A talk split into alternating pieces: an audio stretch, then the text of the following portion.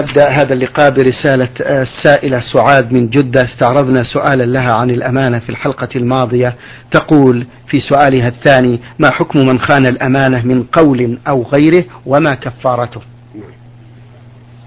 الحمد لله رب العالمين وأصلي وأسلم على نبينا محمد خاتم النبيين وإمام المتقين وعلى آله وأصحابه ومن تبعهم بإحسان إلى يوم الدين. خيانة الأمانة من علامات النفاق. فإن النبي صلى الله عليه وعلى آله وسلم قال آية المنافق ثلاث. إذا حدث كذب وإذا وعد أخلف وإذا اؤتمن خان ولا يحل لأحد أن يخون الأمانة سواء كانت قولية أو فعلية لأنه إن فعل ذلك كان فيه علامة من علامات النفاق. وربما تسري هذه حتى تصل إلى النفاق الأكبر والعياذ بالله. فإذا حدثك إنسان بحديث وقال إنه أمانة حرم عليك أن تفشيه لأي أحد. وإذا عاملك معاملة وقال إنها أمانة حرم عليك أن تفشيها لأي أحد. فإن فعلت فقد خنت الأمانة.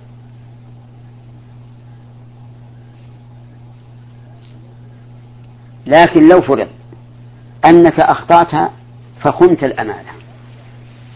فالواجب عليك أن تتحلل ممن ائتمنك. لأنك ظلمته حيث خنته. لعل الله يأتيه فيحللك. والذي ينبغي لمن جاءه أخوه معتذرا أن يعذره ويحلله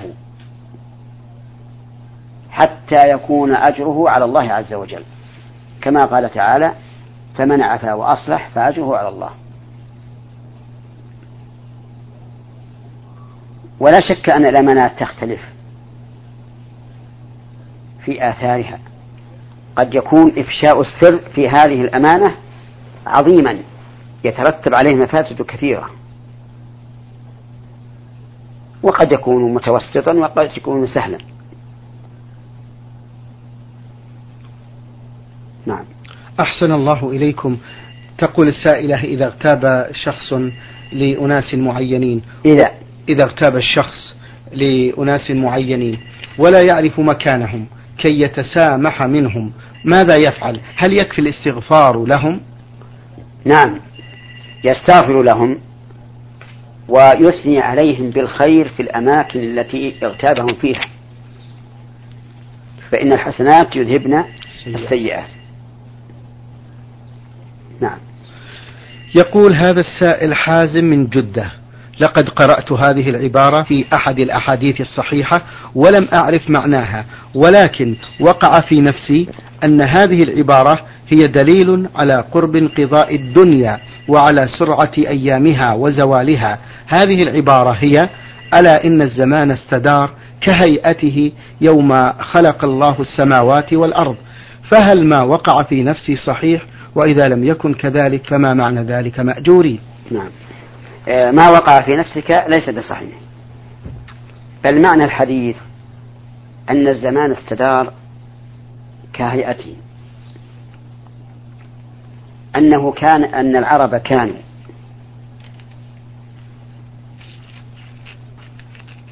يعملون بالنسيء أي بالتأخير.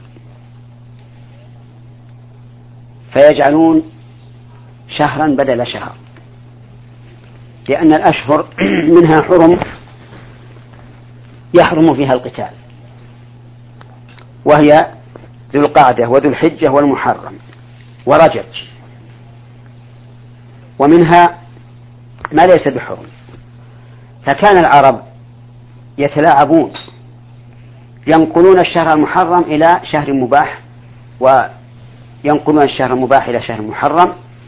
فوافق حجة فوافقت حجة النبي صلى الله عليه وسلم للوداع أن الشهر الذي كان العرب يجعلونه حراما وافق هو الحرام في حج النبي صلى الله عليه وعلى آله وسلم.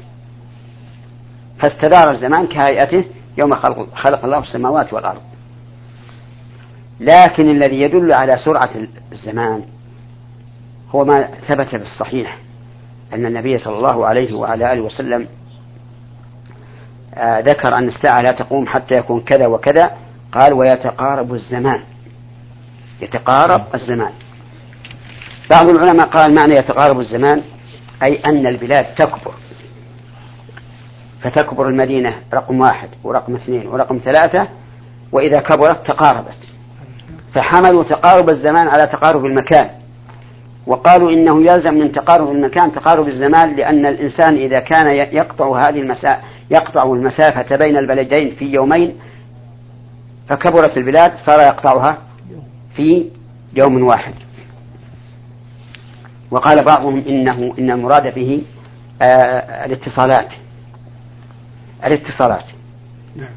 فمثلا فيما فيما مضى لا يمكن أن تتصل بإنسان في الرياض إلا بعد خمسة أيام ست نعم في الإبل بعد عشرة أيام فأكثر. في السيارات قبل الخطوط في يومين أو يوم ونصف. الآن في ثلاث ساعات. ما بين القصيم والرياض. زد على ذلك اتصالات أشد وهي الهاتف والفاكس لحظة قال هذا معنى تقارب الزمان. نعم. وعندي أن تقارب الزمان هو الفشل في الأيام والليالي والساعات. الآن يمضي الأسبوع وكأنه يوم. تأتي تصلي الجمعة اليوم وتقول ما أبعد الجمعة الثانية وإذا بها كأنها في آخر النهار. نعم. وهذا شيء مشاهد. يعني كل الناس يشكون من هذا. يقولون سرعة الأيام كأنها ساعات. أمس نحن في صلاة الجمعة وبكرة الجمعة. وكأنها يوم واحد. بينما هي ستة أيام بين الجمعة والأخرى. هذا معنى تقارب الزمان. والإنسان ينبغي له في هذه الأزمان أن يسأل الله دائما الثبات وأن يحرص على سلوك منهج السلف الصالح من الصحابة والتابعين لهم بإحسان. حتى يحقق أو حتى يتحقق له قول الله عز وجل والسابقون الأولون من المهاجرين والأنصار والذين اتبعوهم بإحسان رضي الله عنهم ورضوا عنه. نعم. أحسن الله إليكم وبارك فيكم. يقول هذا السائل يا فضيلة الشيخ أرجو أن توضحوا لنا ما هي السنن الراتبة اليومية الواردة عن الرسول صلى الله عليه وسلم؟ نعم. السنن الراتبة اثنتا عشرة ركعة. أربع قبل صلاة الظهر وبعد الأذان بسلامين. وركعتان بعدها. وركعتان بعد المغرب أي بعد صلاة المغرب وركعتان بعد صلاة العشاء وركعتان قبل صلاة الفجر. وهاتان الركعتان هما أفضل الرواتب. ولهذا كان النبي صلى الله عليه وعلى آله وسلم لا يتركهما حضرا ولا سفرا. ولهما ميزة. وهي أن أن لهما قراءة خاصة. يقرأ في الركعة الأولى قل يا أيها الكافرون وفي الثانية قل هو الله أحد. أو في الأولى قولوا آمنا بالله وما أنزل إلينا وما أنزل إلى إبراهيم وإسماعيل وإسحاق ويعقوب والأسباط وما أوتي موسى وعيسى وما أوتي النبيون من ربهم لا نفرق بين أحد منهم ونحن له مسلمون.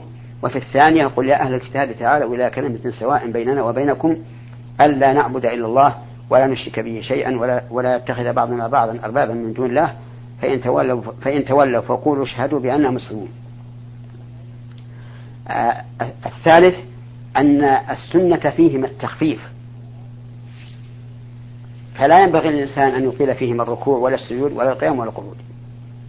حتى كانت أم المؤمنين عائشة رضي الله عنها تقول في تخفيف النبي صلى الله عليه وعلى آله وسلم لهما حتى أقول أقرأ, أقرأ بأم الكتاب. الرابع أن النبي صلى الله عليه وعلى آله وسلم قال ركعة الفجر خير من الدنيا وما فيها. خير من الدنيا وما فيها. في حديث ضعيف. صلوا ركعتي الفجر ولو طردتكم الخيل. وهذا يدل على تأكدهما. هذه هي الرواتب التي جاءت بها السنة أربع ركعات قبل الظهر بعد الأذان بسلامين وركعتان بعدها وركعتان بعد المغرب وركعتان بعد العشاء وركعتان قبل الفجر. أما العصر فليس لها سنة لأن ما بعدها وقت نهي وما قبلها لم يرد فيه سنة راتبة نعم. حفظكم الله فضيلة الشيخ وحديث آه، رحم الله امرأ صلى قبل العصر أربعا يا شيخ. هذا ليس براتبة. أيوة. هذا نفل مطلق. طيب. حفظكم الله. هذا السائل يعقوب بكر عمر من السودان له سؤال عن آية كريمة يقول في سؤاله يقول الله تبارك وتعالى في كتابه العزيز ألا إن أولياء الله لا خوف عليهم ولا هم يحزنون الذين آمنوا وكانوا يتقون من هم هؤلاء الأولياء وما هي صفاتهم؟ نعم. هؤلاء الأولياء. تكفل الله عز وجل ببيانهم. فقال الذين آمنوا وكانوا يتقون. وهذا أوصافهم. من كان مؤمنا تقيا كان لله وليا. وليست الولاية بطول الأكمام ولا بكبر العمامة ولا بطول المسواك ولا بطول المسباح الولاية بالإيمان والتقوى. فمتى عرفنا أن هذا الرجل من المؤمنين المتقين الذين لم يجرب عليهم معاصي لا بترك واجب ولا بفعل محرم مع الاستقامة علمنا أنه من أولياء الله. ولكن هل أولياء الله ينفعون الإنسان بعد موته؟ بعد موت الولي؟ الجواب لا لا ينفعونه ولهذا لا يجوز للإنسان أن يذهب إلى قبر من يقال إنه ولي ويقول يا سيدي أنا فقير فأغنني. إن قال هذا كفر. أشرك بالله. ولا أن يقول تأتي المرأة كما يقال. تأتي المرأة وتأخذ ترابا من قبر من, يد من يقال إنه ولي ثم تجعله في ماء وتشربه من أجل أن يأتيها الولد. كل هذا لا, لا, لا, لا حقيقة له ولا صحة له ولا يجوز. والولي لا ينفع إلا نفسه. فقط. نعم. أحسن الله إليكم. نعم في الحياة نعم ربما يدعو للشخص ويستجاب له أو لا يستجاب. أما بعد الموت فلا ينفع أحدا. نعم. حفظكم الله. فضيلة الشيخ في زماننا هذا كثرت الشركيات وكثر التقرب إلى القبور والنذور لها والذبح عندها كيف يصحح المسلم هذه العقيدة؟ أولا ندعي هذا السائل بصحة دعوة أنا في ظني أن هذا الوقت هو وقت الوعي. طيب. العقلي وهو أداء الشرعي؟ وعي عقلي. قل الذين قل الذين يذهبون إلى القبور من أجل أن يسألوها أو يتبركوا بها. اللهم إلا الهمج الرعاء هذا من أصل فعندي أن الناس الآن استنارت عقولهم الإدراكية الحمد لله. لا الرشدية فالشرك في القبور وشبهها في ظني أنه قليل. لكن هناك شرك آخر وهو محبة الدنيا والانهماك فيها والانكباب عليها فإن هذا نوع من الشرك. قال النبي صلى الله عليه وعلى آله وسلم تعس عبد الدينار تعس عبد الدرهم تعس عبد الخميصة تعس عبد الخميلة. فسمى النبي صلى الله عليه وسلم من شغف بهذه الأشياء الأربعة سماه عبدا لها فهي معبودة له. أصبح الناس اليوم على انكباب بالغ على الدنيا. حتى الذين عندهم شيء من التمسك بالدين تجدهم مالوا جدا إلى الدنيا. ولقد قال النبي صلى الله عليه وعلى آله وسلم والله ما الفقر أخشى عليكم وإنما أخشى أن تفتح عليكم الدنيا فتنافسوها كما تنافسها من قبلكم فتهلككم كما أهلكتهم. هذا هو الذي يخشى منه اليوم. ولهذا تجد الناس أكثر عملهم على الرفاهية وهذا فيه الترفيه وهذا فيه نمو الاقتصاد وهذا فيه كذا وهذا فيه كذا. قل من, من يقول هذا فيه نمو الدين. هذا فيه كثرة العلم الشرعي. هذا فيه كثرة العبادة. قل من يقول هذا. فهذا هو الذي يخشى منه اليوم. أما مسألة القبور فظني أنها في طريقها إلى الزوال سواء من أجل الدنيا أو من أجل الدين الصحيح. المستمع من الأردن يقول ما صحة البيع بالأقساط حيث أن المبلغ بالأقساط يزيد عن المبلغ النقدي وذلك بداعي أنه عقد جديد بين البائع والمشتري. البيع إلى أجل جائز لقول الله تبارك وتعالى يا أيها الذين آمنوا إذا تداينتم بدين إلى أجل مسمى فاكتبوه. ومن المعلوم أن البيع إلى أجل نعم. ستكون القيمة فيه أكثر. فإذا كنا نبيع هذه السيارة بأربعين ألفا نقدا فلن نبيعها مؤجلا إلا بخمسين ألفا. وكلاهما جائز. فيجوز أن تبيع الشيء بنقد بثمن أقل مما لو بعته بمؤجل ويجوز أن تبيعه بمؤجل بثمن لو بعته بنقد كان أقل. ولك أن تخير المشتري عند العقد فتقول تريدها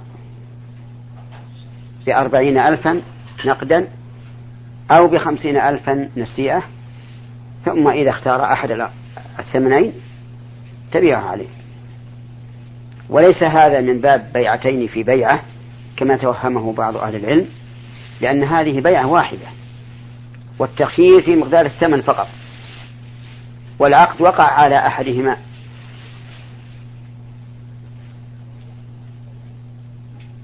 والبيعتان في بيعة هي مسألة العينة. مثل أن يبيع الإنسان الشيء بثمن مؤجل ثم يشتريه نقدا بأقل. مثل أن يبيع السيارة بخمسين ألفا إلى سنة ثم يشتريها بأربعين ألفا نقدا. هذه مسألة العينة المحرمة. وأما التخيير بين بين الثمنين ثم لا ينصرف الطرفان إلا وقد أخذ أخذ بأحدهما فهذا لا بأس به. نعم. حفظكم الله. آه المستمعة أم بدر من بيشة آه المدرسة الابتدائية للبنات كتبت سؤالا بأسلوبها الخاص. تقول السائلة أم بدر أرجو من فضيلتكم إفادتي فهي أم لثمانية أبناء منهم ثلاث بنات وخمسة أولاد. ولقد حصل بينها وبين زوجها خلاف وأدى ذلك إلى الطلاق فأخذ الزوج الأولاد وتركها. تقول الآن هي غير متزوجة فهل من حقي أن أعيش أنا وأبنائي في بيت واحد أم لا؟ مع العلم بأنهم ثمانية من الأطفال والزوج تزوج بامرأة أخرى وأصبح أولادي تحت خدمة زوجته الثانية. تقول هي خائفة على أبنائها لأنه لأن الزوج كثير الغياب عن المنزل بسبب أعماله وأكبر الأولاد في سن المراهقة وهذا يحتاج إلى رعاية. هل لي أن آخذ أولادي عندي أم لا؟ مأجورين. هذه مسألة مهمة جدا ومشكلة. ولا يحلها إلا القاضي. فأحيل السائلة إلى القاضي الذي في طرفهم ونرجو الله تعالى أن يوفقه فيها للصواب أحسن الله إليكم. السائل طاهر أحمد من اليمن يقول هل الوضوء وترتيب غسل الأعضاء في غسل الجنابة شرط لصحة الغسل أم يكفي النية وغسل الجسم مرة واحدة؟ يكفي غسل الجسم مرة واحدة بادئا بأي جهة منه مع المضمضة والاستنشاق.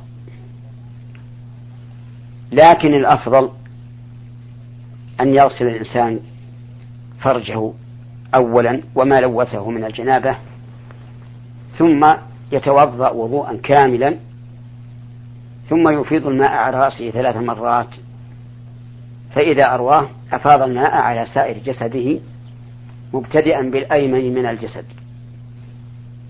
هذا هو الأفضل. وإن أتى بالغسل مرة واحدة كفى لقول الله تعالى وإن كنتم جنبا فاطهروا ولم يذكر وضوءا عز وجل. وعلى هذا فلو أن الإنسان نوى الغسل من الجنابة وانغمس في نهر أو بحر أو بركة